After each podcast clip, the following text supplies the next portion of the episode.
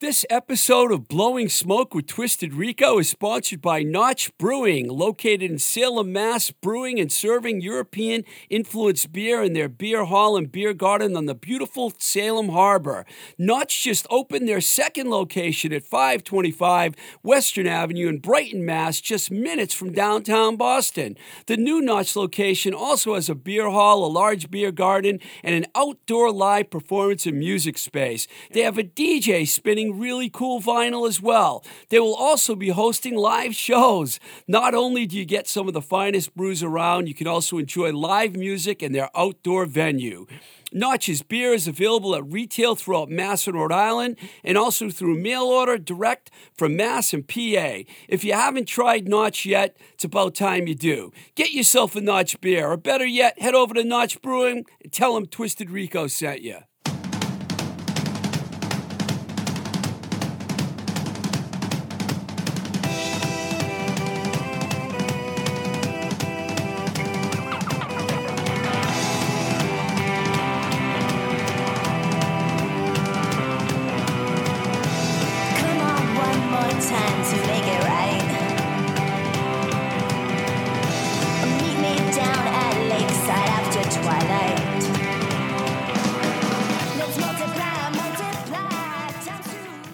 Blowing Smoke with Twisted Rico. I'm your host, Steve Ricardo. This week, I'm going to play you an interview that I did with Talia Zedek, who has an outstanding body of work from her early days with the Dangerous Birds, Uzi, Live Skull, to her groundbreaking and fantastic band Come, onto releasing eight solo records, three solo EPs, and a live album. And she has a new record coming out later this year called Perfect Vision uh, on Thrill Jockey. This was, we had a, oh man, I'm telling you, I really, one of my great moments. This is why I do the show, so I can talk to people like Talia. I did have one minor blunder during my interview, which I wanted to uh, mention now. The song 1926. I thought it was a cover of a song by a band called Via, and it was, but I got confused and didn't mention that. And we clarified that because that's on the 2001 album called Been Here and Gone, which originally came out on Matador and is being re released on vinyl for the first time by Thrill Jockey. There's going to be a show at the Midway Saturday, July 17th, which, if you're listening, this week is this Saturday, and Eric Martin from the Neats and Richie Parsons, Unnatural Axe, a couple of legends in their own right, are also on the bill. And uh, it's really exciting because Ta- it was fun talking to Talia. She has had an unbelievable career. She's still putting records out. She's one of my favorites of all time as far as songwriters go. And to before we play the interview, I want to play you the aforementioned song. 1926, which was on the Been Here and Gone album, which once again came out on CD on Matador, never on vinyl, and Thrill Jock is re releasing it. They will have copies for sale at the show at the uh, Midway Cafe this Saturday. So let's listen to that song right now, and then we'll play the interview for you.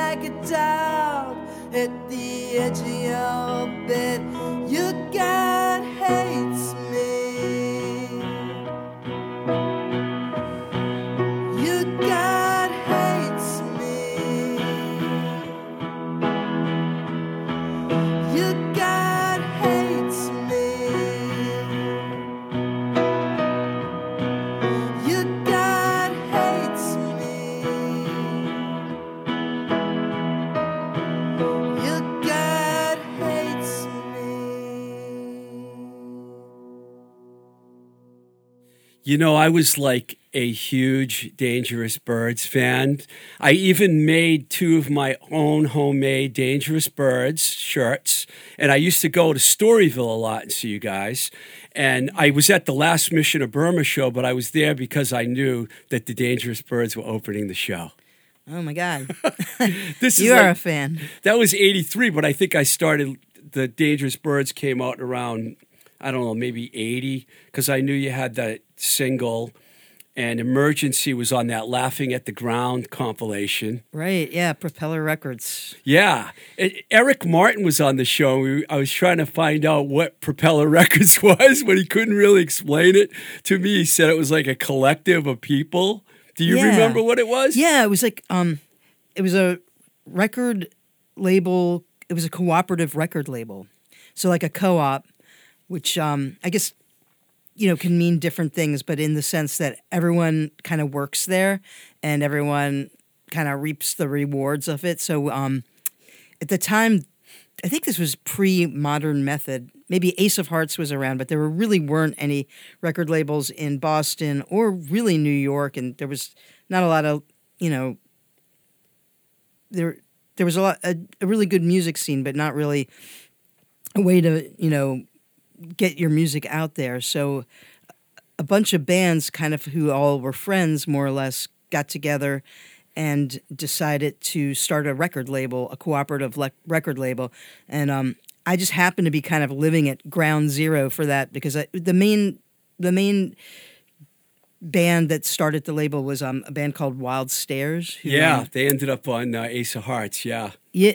Did they? Maybe. Yeah, they put a uh, Rick Harte recorded them anyways. I think they Ah. had some uh, single, a single or I should something. know that, but yeah, my memory. I'm still friends with those guys. Actually, they all they all live out in L.A. But um, and then also, I, so I was living with Justin from the Wild Stares and um, Michael Cudahy from Christmas. from Christmas. Right. Yeah, later to become uh, Combustible Edison and all that stuff. So um, so, and I had, I think, was I in Dangerous? I might have just started. Yeah, Dangerous Birds might have just formed.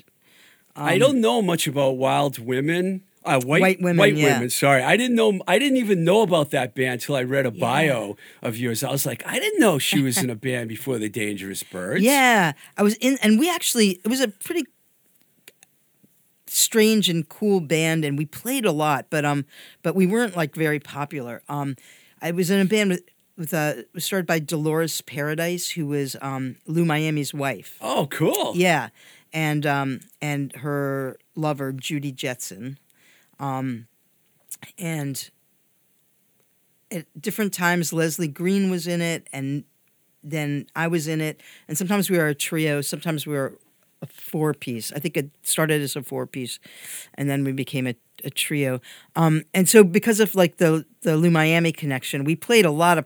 We played Cantones a lot. We played the Underground a lot. I remember like opening for Bound and Gagged a lot. I Wow. remember that that band. Um, and uh, so we were we were definitely around, but we you know it was we didn't get like a lot of radio play, and you know we weren't we weren't necessar- necessarily a super popular band, but we you know played played all the places. I I found out about the Dangerous Birds and became a fan because I was the music director at uh, WDJM in Framingham, and we loved the Dangerous Birds there. Yeah. And we play like Emergency and uh, Alfa Romeo, Smile at Your Face. You only had a few songs out, but Yeah. you guys managed to get your songs in the right places, like on the right compilations. And didn't something end up on Sub Pop at some point? Yeah, that was that was really weird.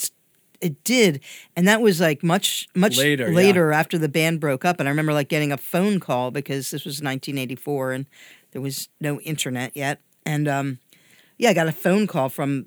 It must. I think it might have been Bruce Pavitt. It was like Wow. yeah, because they were they were just a cassette label at the time. Uh huh. It was the Bruce and Jonathan. Um, Right. They were DJs, and they decided to put out a cassette. And yeah, I remember them calling one of them calling me and saying, explaining who they were, and you know, did we, I have any material from Dangerous Birds, and would we want to be on the cassette? And um, and I said, sure. I In the Bo- this, there was also a Boston compilation, the Mass Ave comp. Dangerous Birds were on that as well. we were. I think I it was Alfa remember. Romeo was on that. I'm pretty God. sure.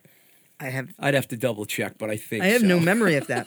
what do you remember? What label or who put Uh, that? that out? was on Rhino. It came up. Brett Milano uh, put the whole thing together, like the Oh. Neighborhoods and Liars and Mission of Burma, all these Boston bands. Yeah. Do you remember that show at the Bradford Hotel? Oh the yeah. Oh yeah. Yeah. We played with Negative FX. I remember yeah, the like riots. Was, you guys started a riot. No, I'm just kidding. You didn't start the riot. They did. Do you remember the riot when everyone with the cops showed up and Kind of. I just remember being like a little bummed out at having to play in front of like 216 year old hardcore boys. You know, I think there were like more than all- 200. Yeah, it was like you know, it was it was a strange bill, but um, um, they were yeah they were okay. They were, it was a great show it was to a, be it was a really fun show. I, I don't remember. It's so weird. I don't remember the riot. Um, the cops had to come and stand on the stage. I you might have been backstage because it was after your set. It happened during neg- negative FX. I was probably like watching from yeah the side because you guys did the matinee because the nighttime show Proletariat was the opening band. I re- that was a great day. I was really young, but I remember it.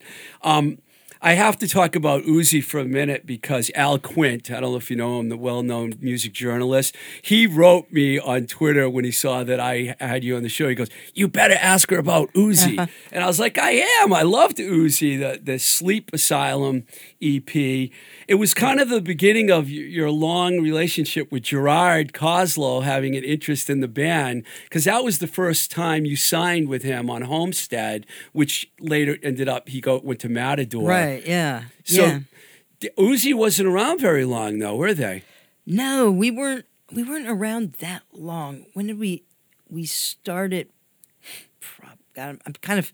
I'm not great with the timeline here. Um, I think it was probably 84 to 86 around that Okay, time. I'm that sounds right. That sounds right. Because I know you went to were in Live Skull around 87 or 88, so I know it was before that. Yeah. But that band generated a huge buzz. The Village Voice and really good magazines loved Uzi. Just like the Dangerous Birds, you seem to always get the right writers interested.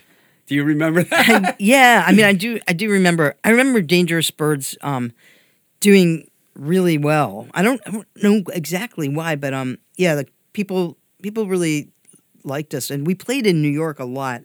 We I remember playing at Danceteria with like ESG, and I remember like maybe even like a really early version of Sonic Youth or something. I of remember this show, but um, I remember playing the Mud Club.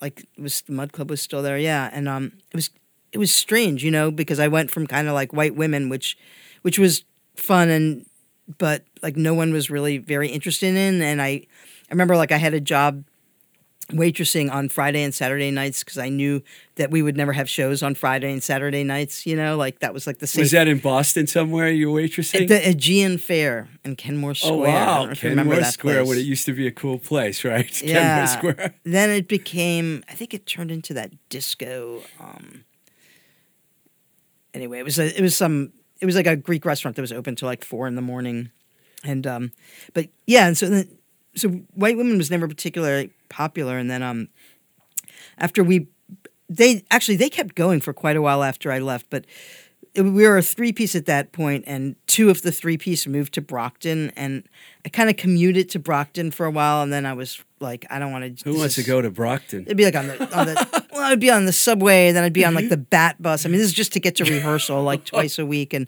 I think after, I think shortly thereafter, I said, you know, I don't, I don't really want to.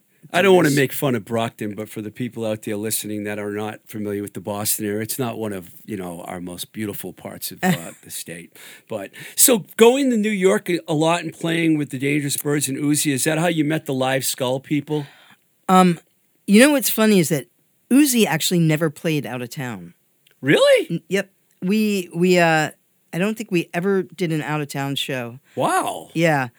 But we we did a lot like in town. We played a lot, but um yeah, we never played New York or Did or you know Maxwell's. Gerard from Boston? Is I knew how Gerard from signed- Boston. Yeah, I knew him from Conflict magazine in Boston. Oh, yeah, and he knew me from like Dangerous Birds, and I was working at Newbury Comics um, in the early '80s, and he used to come in there.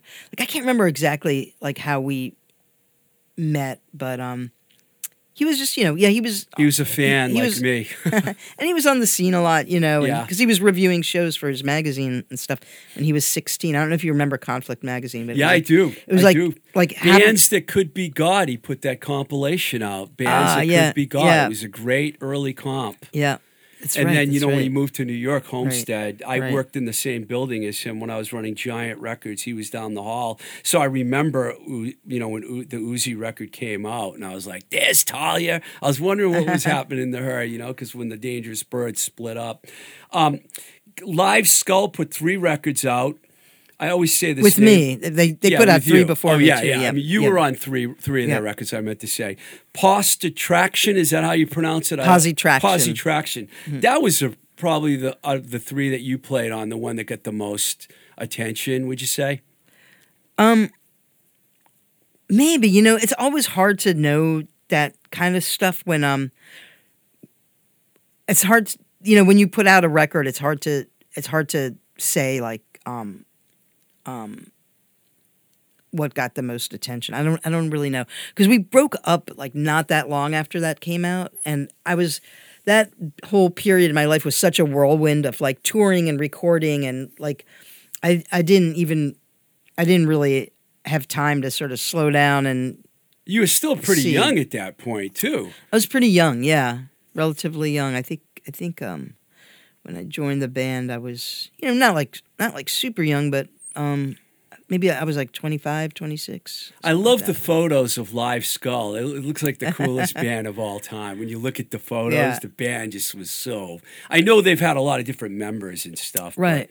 When I joined them, they were in transition. So I, I had been a huge fan of Live Skull, like really big. Um, since I, I can't remember, I think I discovered them because when Uzi put out a record on Homestead, Gerard sent me like when the Uzi record, all the records that the Homestead records, which were amazing. So that's how I discovered Big Black, Scratch Acid, Dinosaur, who were just Dinosaur at that time. I Salem he had- it was a- 66, but you probably yeah, knew them I knew them from yeah. Boston, yeah. But Yeah. like, um, what a what an amazing record label and Live Skull, and so I fell in love with Live Skull, and they were because they were in New York. They played in Boston a lot, and um, so I was I was like a really hardcore fan. If you had asked me back then, like, what's your favorite bands, I would have said Live Skull. So, Wow, that's um, cool. So I was a huge fan, and so when they asked me if I was interested in like being trying out being the lead singer, it was it was really almost like a dream come true because Uzi had broken up, and um, by then, and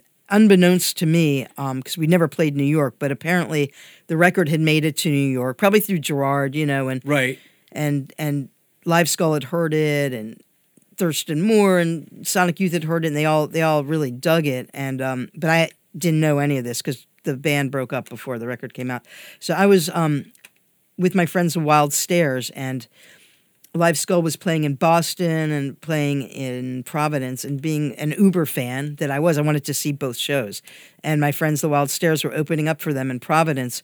So I saw the Boston show, and then I traveled with my my friends to to the Providence show, and they were like, "Oh, you know, come hang out with us in the dressing room." And so they were sharing a dressing room with Live Skull, and so after the show, I was back there having beers with the Wild Stares, and got to talking with with um, Mark and you know and Marnie, and they were very friendly, and um and they're you know when I told them my name, which is pretty unusual, they were like Talia Zedek. They were like. Are you were you in a band called Uzi? And like I was like, yeah. And they were like, oh wow, you know, um, um, they had thought based on my voice, they had thought I was a boy, and and the picture of very there was the pictures, the photos of the band on the Uzi record were very sort of ambiguous. I think I was like in profile wearing a hoodie, kind of like "Don't look now," you know, kind of Yeah, like yeah, or "Don't look back," and uh, they were like, "We thought you were like a small Lithuanian boy," and I was like, "No," and um, and I heard from them a little while later. I don't. They, I think they talked to me about it. They they they um were looking for a lead singer, and they they actually didn't know that I played guitar at that point. But um, and they asked me if I wanted to try out, and it wasn't so much that you know they didn't have a lead singer, and they're like, yeah, you know, we none of us really want to be the lead singer, and we're all kind of like trading vocals, but we kind of want to have I read that. I read that they were interested in just doing their instrument, playing Yeah. instruments, and that's why they recruited you. they're like we sing you know i don't mind singing a song or two but like none of us really want to be the lead singer and it's been kind of an issue and so would you want to try out so i so i did um sent them a couple things like they sent me some stuff they were working on and somehow i recorded i think just on cassette something and sent it back um and um and i ended up working with them on on Dusted then probably while, Uh-huh. while i was still in boston. I think i was still in Bo- living in boston when we recorded Dusted. And after that i moved and joined the band. But the band was kind of in a transitional period then. I didn't know it um james Lo who's a fantastic drummer um ended up going on to beat drum in chavez and a bunch of other stuff. He was leaving to I think he was going back to school or something like that, and and they were bringing in a new drummer, Rich Hutchins, who's actually in the reformed version. So, Dusted actually ended up being sort of like half half Rich and half um, half James. So Oh. yeah, I never actually played any live shows with James. All, all my live shows were with Rich. So you were down in New York for like three years, and then you ended up leaving New York, Right. and coming back to Boston. Yeah, And I imagine that's when you met Chris Brokaw. I had met Chris before I moved to New York. Actually, Oh, you did. Yeah, because I'd had this band um, after Uzi broke up. Um, there was a band in town that I was really good friends with and that I really loved called Nuclear Theater.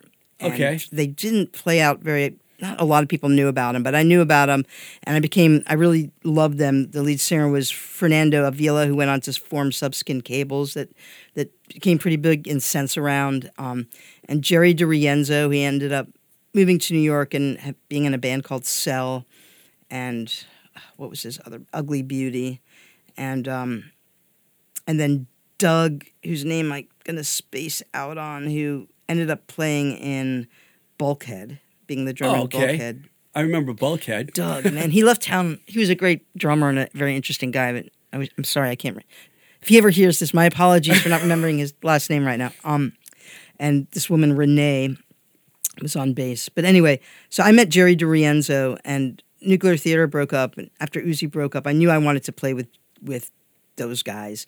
Jerry and um oh, and Adam Gaynor was one of their drummers, and James Apt was the bass player. Who James Apt ended up Your being memory's pretty good, actually. James James Apt ended up being in um, Six Finger Satellite. I don't know if you Oh, yes, familiar with yes. that band. Yeah. Well, I'm still friends with a lot of these guys to That's this day. So yeah, so it's pretty fresh to me. But anyway, we had a band called Via, and um, we did very few shows before I moved to New York, and I managed to convince James Apt, Jerry DiRienzo, and Adam Gaynor to move to New York with me. Because I was going to New York to join Live Skull, but we had just gotten Via together, and I didn't want to lose that band. and also, bands? I yeah, I wanted to do both because I played guitar in Via, and Uh-huh. I you know Live Skull was really it was very different for me to just go from being sort of more of a songwriter in terms of the music to being like a singer who just wrote melodies and lyrics and um and I so I wanted to keep both things going if I could and um anyway I'm really rambling. I'm I'm a terrible rambler. you met Chris through so all I'm those. so yeah thank you You. can ramble, feel, it's feel free to like rein me in. I tend to go off on tangents. Um so I met Chris through Jerry DiRienzo in Boston before I before I joined Live Skull or maybe when I was in the process of joining um, through Via, and Chris had just moved to Boston from Oberlin, and he, him and Jerry had gone to high school together, and I in Scarsdale, New in York. Scarsdale, Chi- New Chili York. Chili Kurtz from KHT, who's a huge Talia Zedek fan. I know that Uh. because we were friends. Her and Chris and a few other Arena, this guitar player, they all went to high school in at, in Scarsdale, Mm-hmm. New York, and they all ended up in Boston. Like four of them. Steve Mayone was the fourth one. Oh wow! Yeah, and uh, so that makes sense. But um, so you and Chris, did you guys like hit it off right away and We- decide to play? Yeah, so well, so he invited Chris had just moved to town, and, and Jerry said it. We were at one of our practices, and he lived in Somerville, and him and Adam, the drummer, and, and James and um, J- James didn't live there, but anyway, we had he had a whole recording thing set up. Jerry did, and he sent, invited Chris over to jam, and we played together, all of us. And I was immediately like, "Oh my God, this is this guy's amazing!" And I, it was like amazing sort of immediate sort of connection. And I, I was like we've got to ask chris to join via. We gotta he's got to be in the band. I don't i won't play you know i won't play guitar and you know if, that's what it takes.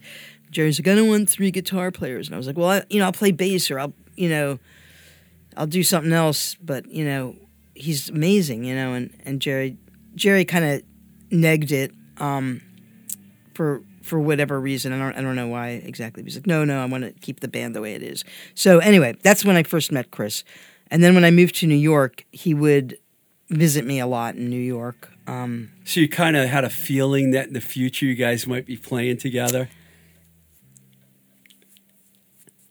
That's a he ended pause. up so he I don't I don't know if then at that point no not necessarily but when we all when Via when I moved to New York and the, all my Via bandmates moved to New York we all moved to New York and then Chris would come and visit and stuff and he actually ended up playing um, drums in Via Oh, really? we were one of the Wow. first bands to play at the Middle East we might have been the first band but I Did Billy. Ruane drag you in there? Yes, through Billy Ruane, and um, and at the time, I don't know where Adam was, but we he couldn't do the show. We didn't have a drummer. I can't remember what it was, but Chris ended up playing drums in Via, um, maybe on a couple of shows, but definitely on one.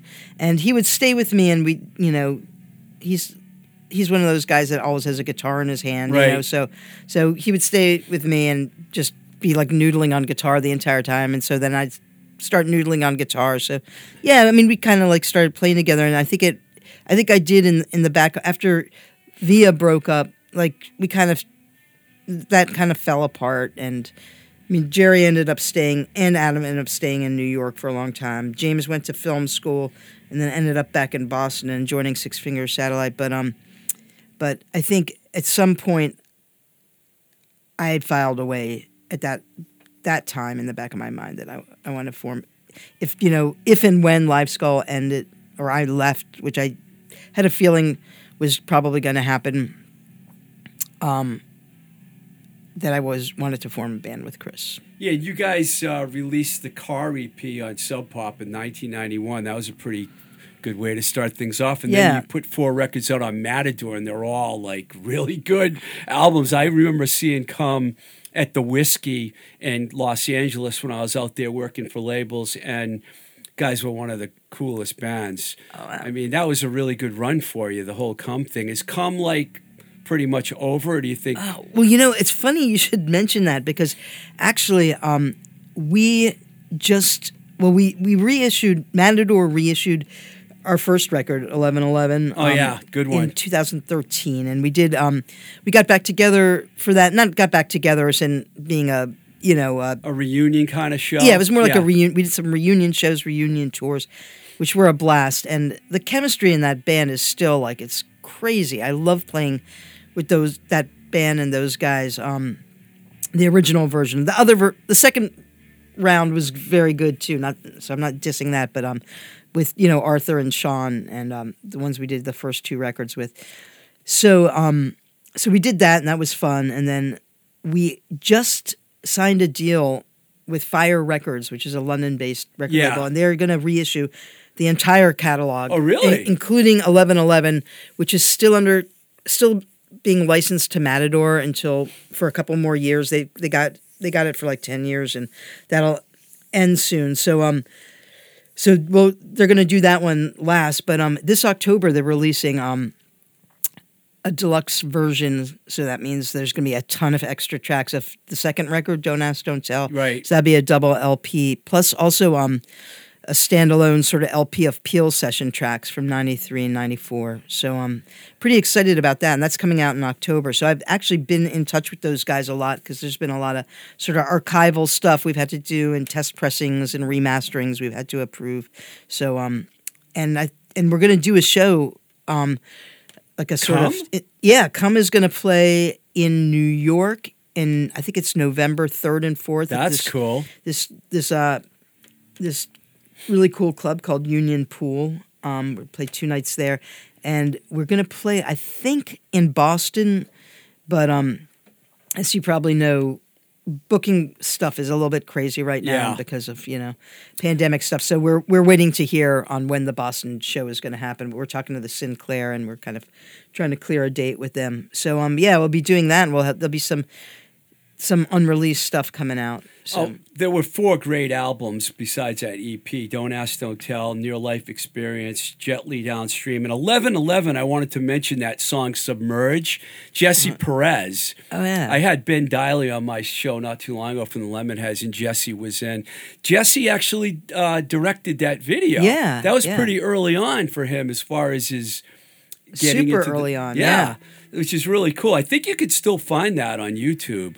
I didn't look for yeah. it, but I bet you it's on there somewhere because everything is. What's Jesse up to? And he works on movies now. Yeah, right? well, he was he did orange, directed some Orange is the New Black, Girls. Uh, he's wow. been into a lot. Oh, He did a, a Yeah. Foo Fighters video. I know he did tons of stuff, but just so hard to keep up with them. At- Yeah. At a certain point, I was just like, yeah, he's doing great, you know. the But, guys in yeah. that band, the Lemonheads, they all seem to become successful in their own way. you Yeah, know, they had definitely. that kind of aura about them. Um, once come, I'm trying to keep this going because you have so much good stuff that I'm trying to get it all in. Around a few years later, after Come kind of went on a hiatus or whatever, around 2001 is when you put out the record Been Here and Gone, which we're celebrating. It's going to be re released by Thrill Jockey on vinyl for the first Yeah. time. And um, that record was your first Thalia Zedek solo record, pretty much. And the lineup Yes. you had on that record was phenomenal.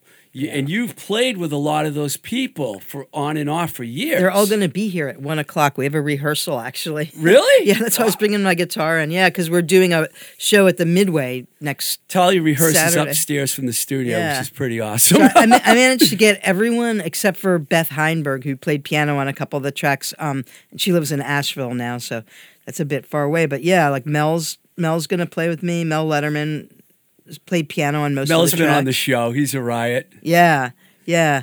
Um, he's a good friend, and he played on a lot of my solo Right. stuff. Um, Chris Brokaw, who's The great Chris Brokaw. yeah, is playing, and Daniel Coughlin's playing drums. So it's like an all-star band, really. um, Dave Curry on viola. Yeah. Yeah. well, Daniel had and Chris had obviously were playing with me in Come at Right. the time. So, um, and I think Come, Come, yeah, Come took a hiatus, and then I can't remember when we officially broke up, but it might have been it might have been after the record after Been Here and Gone. I can't I can't remember, but I think the writing was pretty much on the wall. But um, but Daniel had been had joined on drums um for the last record, and um, and yeah, and so he played with me on on the solo stuff, and and I asked Chris to come and play, and um. Because we were, you know, still pals and doing Yeah. a lot of shows together, and then Mel, I didn't even. No one really knew that Mel played piano, except for Mel, obviously. But um, because he was the bass player at Victory at Right. Sea, Oh yeah, and I love that band. I remember like You're, you're on a, on one of their records. You're part of that chorus they did. That was great. Yeah. Carousel album. yeah, that I was remember a- that. That was fun. It was like an all-star women's, like Heidi Saperstein, Megan McLaughlin. I can't remember all of them, but it was really a cool. And you were there. yeah. Oh yeah. I yeah, asked was Mel friends- about that. He faintly remembers it happening. I was I was friends with those guys. Like really, I was a I was a big fan of um, Mona from Oh, yeah, Mona back Elliott. in Malachite Right. days, and then Spore, and then when she formed Victory at Sea at first, just with uh, Christina um, Christina Files on drums. They were a duo, which was really really interesting and quite different. And then the first time I met, realized I knew Mel through them because then Mel joined as a bass player, and um, anyway, we became we became friends and uh, plays piano on a lot of your records. I was gonna Yeah, but- before we plugged the uh, the Been here and gone. I wanted to mention that you had seven other solo records, and there was some really good good ones in there. Perfect Vision is is is the, the one that's coming out this year. You just finished that one, but Yeah. before that, um. I have to mention the 2018 album Fighting Season, um, which Chris Brokaw once again and J Mascis actually plays Yeah. on. The song Band Again, just Bend Again, excuse me, beautiful song. And the title track and that whole record, you can listen to it on Bandcamp, is just absolutely phenomenal. I think, God, I mean, it's hard to say that's one of my favorite records from your entire career, but I am going to say it. And it's like so far Thank into you. your career. The songwriting I thought was brilliant. And I read on a bio or somewhere that the title track was influenced by what was going on in Afghanistan. I had to ask you about that. Is that for real? Uh, yeah, I mean the the not so much necessarily the title track, but fighting season. The first time I heard that term had to do with Afghanistan because, um, you know, um, they have a fighting season. They're it's very like war torn. You know, it's a, a very combative. Um, I don't want to. I don't want to say culture, but um, you know, it's there's been a, a lot of war and s- strife there for a very very long time, Yeah. even before we got in, and not just with Russia and against Russia and against the states, but also uh, you know within each other, and um, and it's a very mountainous region and has very brutal winters, and so there would be the winter, and then there would be what they would call it the fighting, season. season. The fighting season was crazy. when the snow melted enough to be able to like get over the the pass. So that that's what I got the term from it. It's not you know the the song itself is not necessarily about Afghanistan, But, you were um, influenced by it It was influenced yeah. by it. Yeah, and just you I know read that just- somewhere. I just how where. how fucked up people are, and you know, and just sort of like the innate human drive to to kill each other. You also had three EPs to go along with all those records. You're a Big Girl Now is one that I personally really like because there are a couple of songs, Everything Unkind and No Fire. That was a good one. I think that was on Kimchi Records. yeah, yeah. That's a great record. You got a just an amazing like. That's why I've been wanting to get you on. I mentioned all that stuff, and you had the E project too, which I Yeah. didn't even. I don't even know what to say about that because you did three records with E as well. So you on Thrill Jockey also? Uh, two on Thrill Jockey, and then the last one um, called Complications uh, is on Silver Rocket, which is a, a really cool small label based in Prague, actually. So um, Have you ever gone like even even uh, one year of your life without writing a record? yeah, totally. It's weird because um, I had to. I was nominated for this this grant, which I'm sure I won't get. There's a million other people. I'm sure you're gonna get. It's some it. Boston thing. I've never, I've never. That's never happened to me before, and I've never filled filled out a grant application for anything before. But um, I have a lot of artist friends, like visual artist friends, and they're always like applying for grants, you know, because they can't play shows really with a painting. But anyway, so I had to put a resume down. I was like, I don't know what to do, and so um, and so uh, they're like, well, just you know, I looked at what other musicians do, and they're like, just just put out a discography. So I did actually have have to not too long ago sit down and figure out uh, list everything, and I realized that there were some pretty big gaps. Um, I was like, wow, that was a long time. What was I doing in that four years? Really? Like, you went yeah. four whole years without releasing a yeah, record? between trust not those with without wait trust not those in whom without some touch of madness would the f- the second full length that I the first one I did for Thrill Jockey came out after Kimchi. Between that one and and uh, Liars and Prayers was a four year gap, wow. and then I think between Liars and Prayers, the It next doesn't seem like you took any breaks when you look at the there, body. there was a work. period of time that I did. I did. I think like, but you know, I, I kind of got a little bit. I don't. I think I was a little bit burned out. Um, maybe feeling a little bit frustrated. I was like Daniel left the band after Liars and Prayers, and it just cycled through a lot of different drummers, and it was just kind of hard to for me to get things together. And then um, I kind of got like got another another little spark kind of happening. I was just, you know, kind of kicked myself in the butt a little bit, and so so I think there was there was a, there was a period that was sort of between the the second and third Thalia band record, and between the third and fourth was less of a break, but still it might have been two or three years. Yeah. Before we talk about the show, which I want to totally plug here, um, is Perfect Vision going to be like uh, the 2018 record? Do you see it? Because it seemed like it was a more mellower kind of record for you. Is it going to be like that record? I know that you can hear. You just mentioned to me before that you can hear that on Bandcamp now, but it's not officially out yet. Right. Right. The single is on Bandcamp. Cranes? Is yeah, that- it's called Cranes. Yep. is that record going to be? Do you? How would you compare that to the last record? Um. Gosh. Um. How I compare it? Um. You don't have to compare it. I was just curious because It's it's this is really diff- so. The reason it's called Perfect Vision, I don't know if, if people picked up on this, but um, it's because of 2020.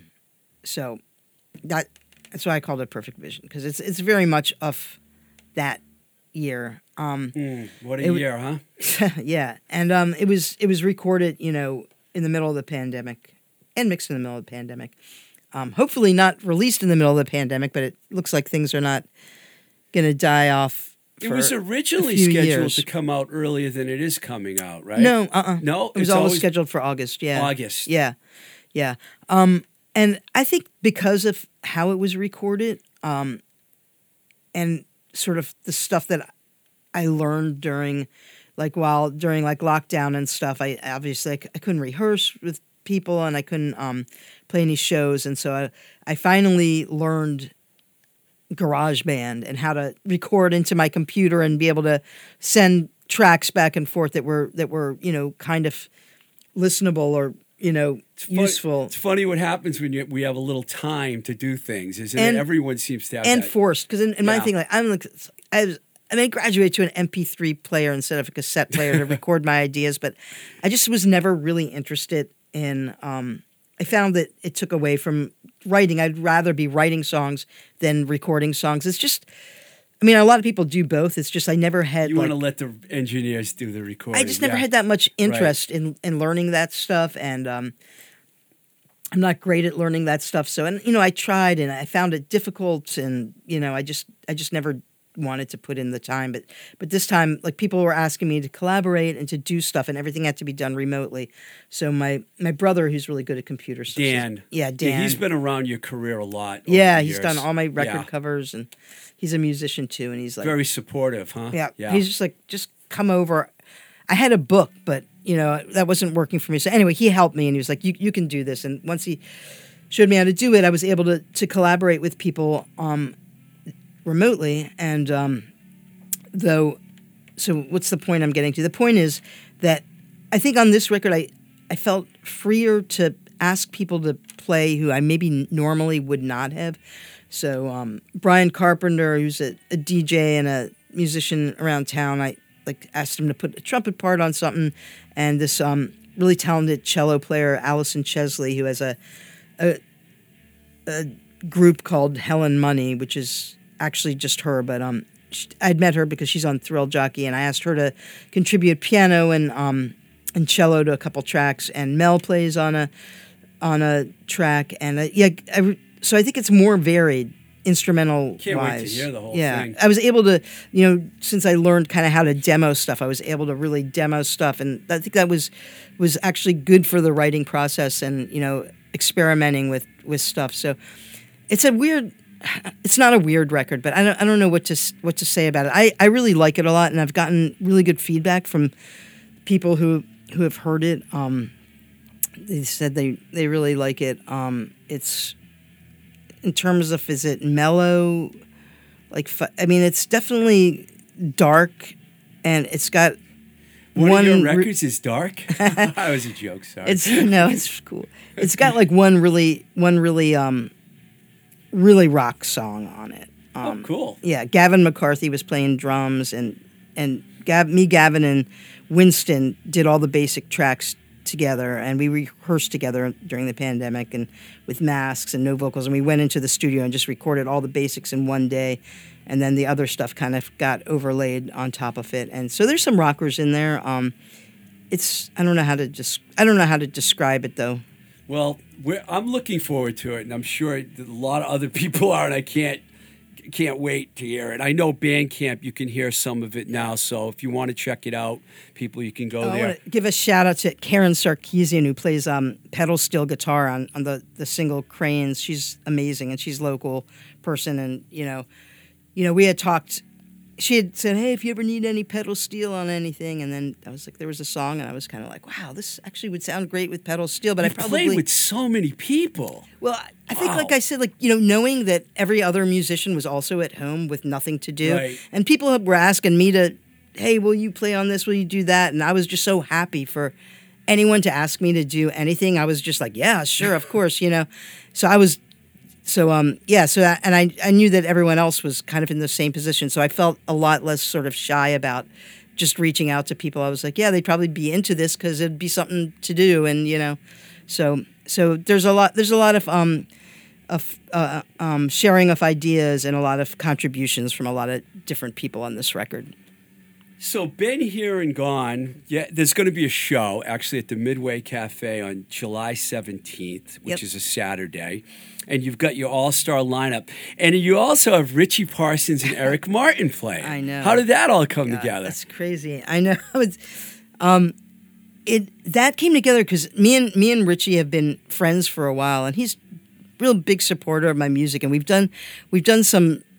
I feel like we've done some solo shows before. He actually covered a song of mine, one of my songs, on a, a record recorded a version of it, and um, so he was he's a big supporter, and he'd been him and Eric and Eric. I've known Eric forever, and Eric's wonderful. They you started on both- Propeller. both of those guys are like incredibly talented and Legends. wonderful Yeah. human beings. So, you um, can't really get a much better bill than that, I'll tell you. That's uh, well, so Richie and Eric had been doing these these shows at the Midway all through the pandemic, and um, the Midway was closed, but they would open up to do these like sort of live Yeah. streams, and they'd let a, you know you invite a few people, so they'd be like a very very small. I think you know you could have a few friends come and play, and um, and Richie had invited me. He he was doing it once a month, and he had invited me a couple of times to do this with him. And you know, each time I had not wanted to do it because I have someone that that I spend a lot of time with in my family and take care of. That that's I really could not risk getting.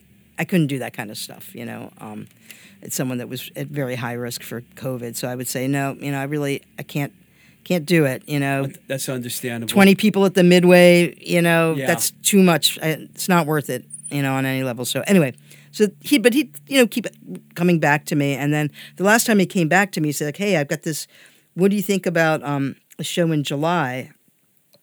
And at that point, I think, at that point, the vaccines were already out and the, you know, the elderly person in my life who I was worried about had been vaccinated and I was about to get I was soon going to be vaccinated and I was like, man, this this might actually be a real show. So I was like so I was like, yeah, I can I can do that one and you know and it, it, it? They're actually selling tickets. Oh yeah, it's open. The Midway's yep, Midway's open.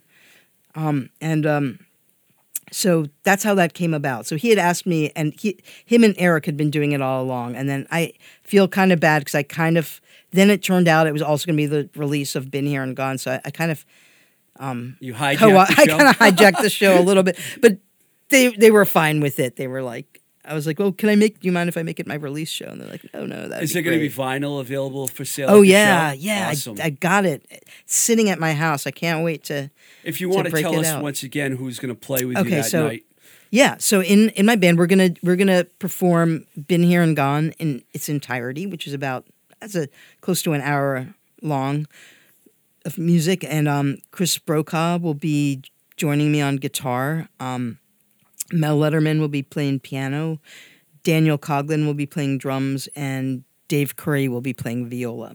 And um, we're gonna we're gonna be performing "Been Here and Gone," and I'll have the vinyl for sale, and got like this the special gold edition, and um, you know, it of course comes with a download code, and um, yeah, because the record's actually been completely out of print, not just It never came out on vinyl. It never came out Matador, on vinyl. No, Wow. it was CD only.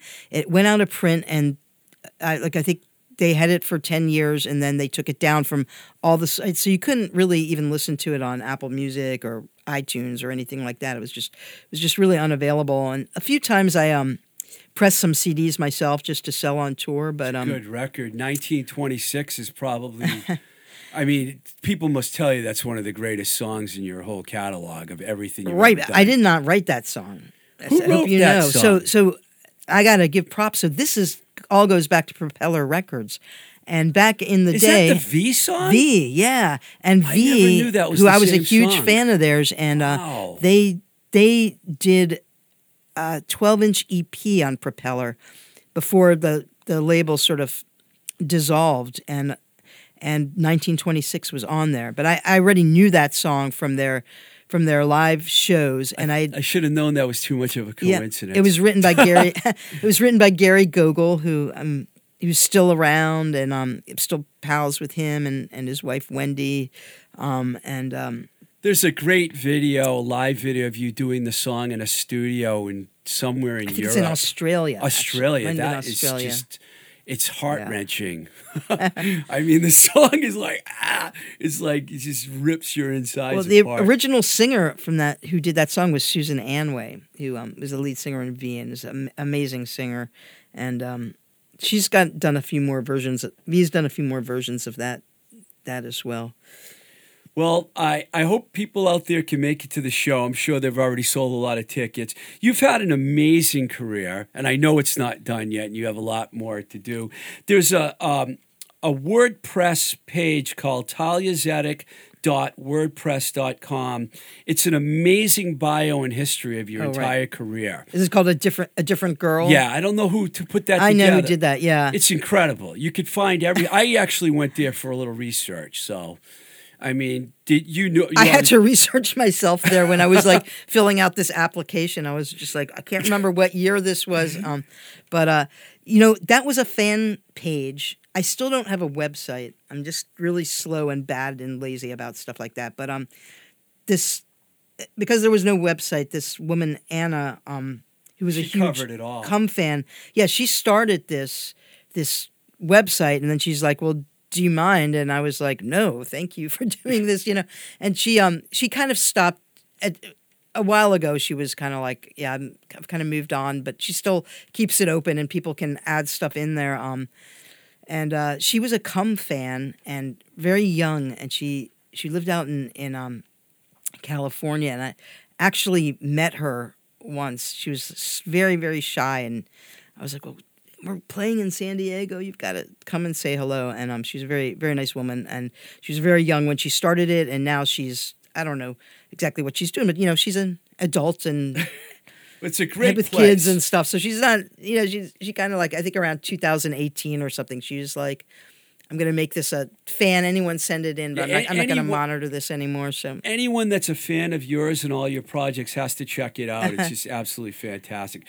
Thank you so much for You're- coming on the show. Yeah, and I know I welcome. threw a lot you. at you. I don't know. It's been great, been fun talking to you. cool. And g- good luck next week. And I can't wait for the new record. Awesome. Thank you. Thanks.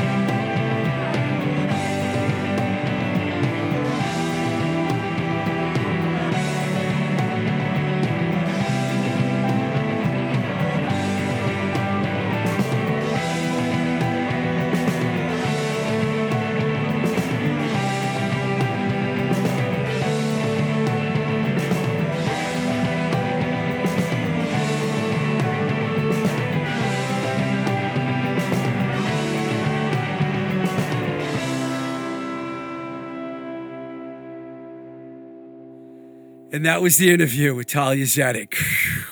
Man, talk about a body of work.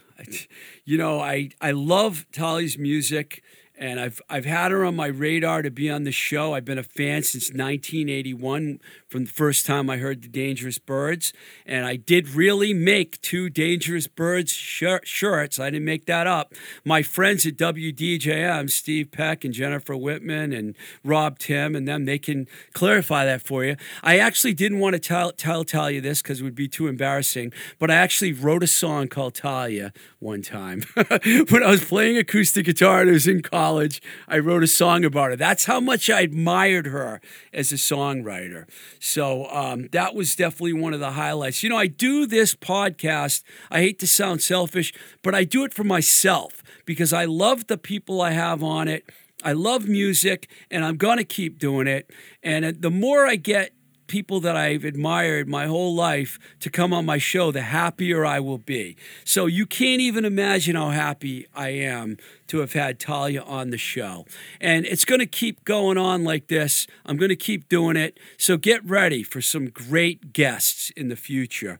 Um, you can write to me at twistedrico at gmail.com, as a lot of people do. I should one of these days go over a bunch of those emails with you because they've all been really cool. Like Al Quint did write me on Twitter and say, Can you ask Thalia about Uzi? I did not make that up. Lee Harrington from the neighborhoods wrote me and said, Can't believe you have Thalia Zedek on the show. She's awesome.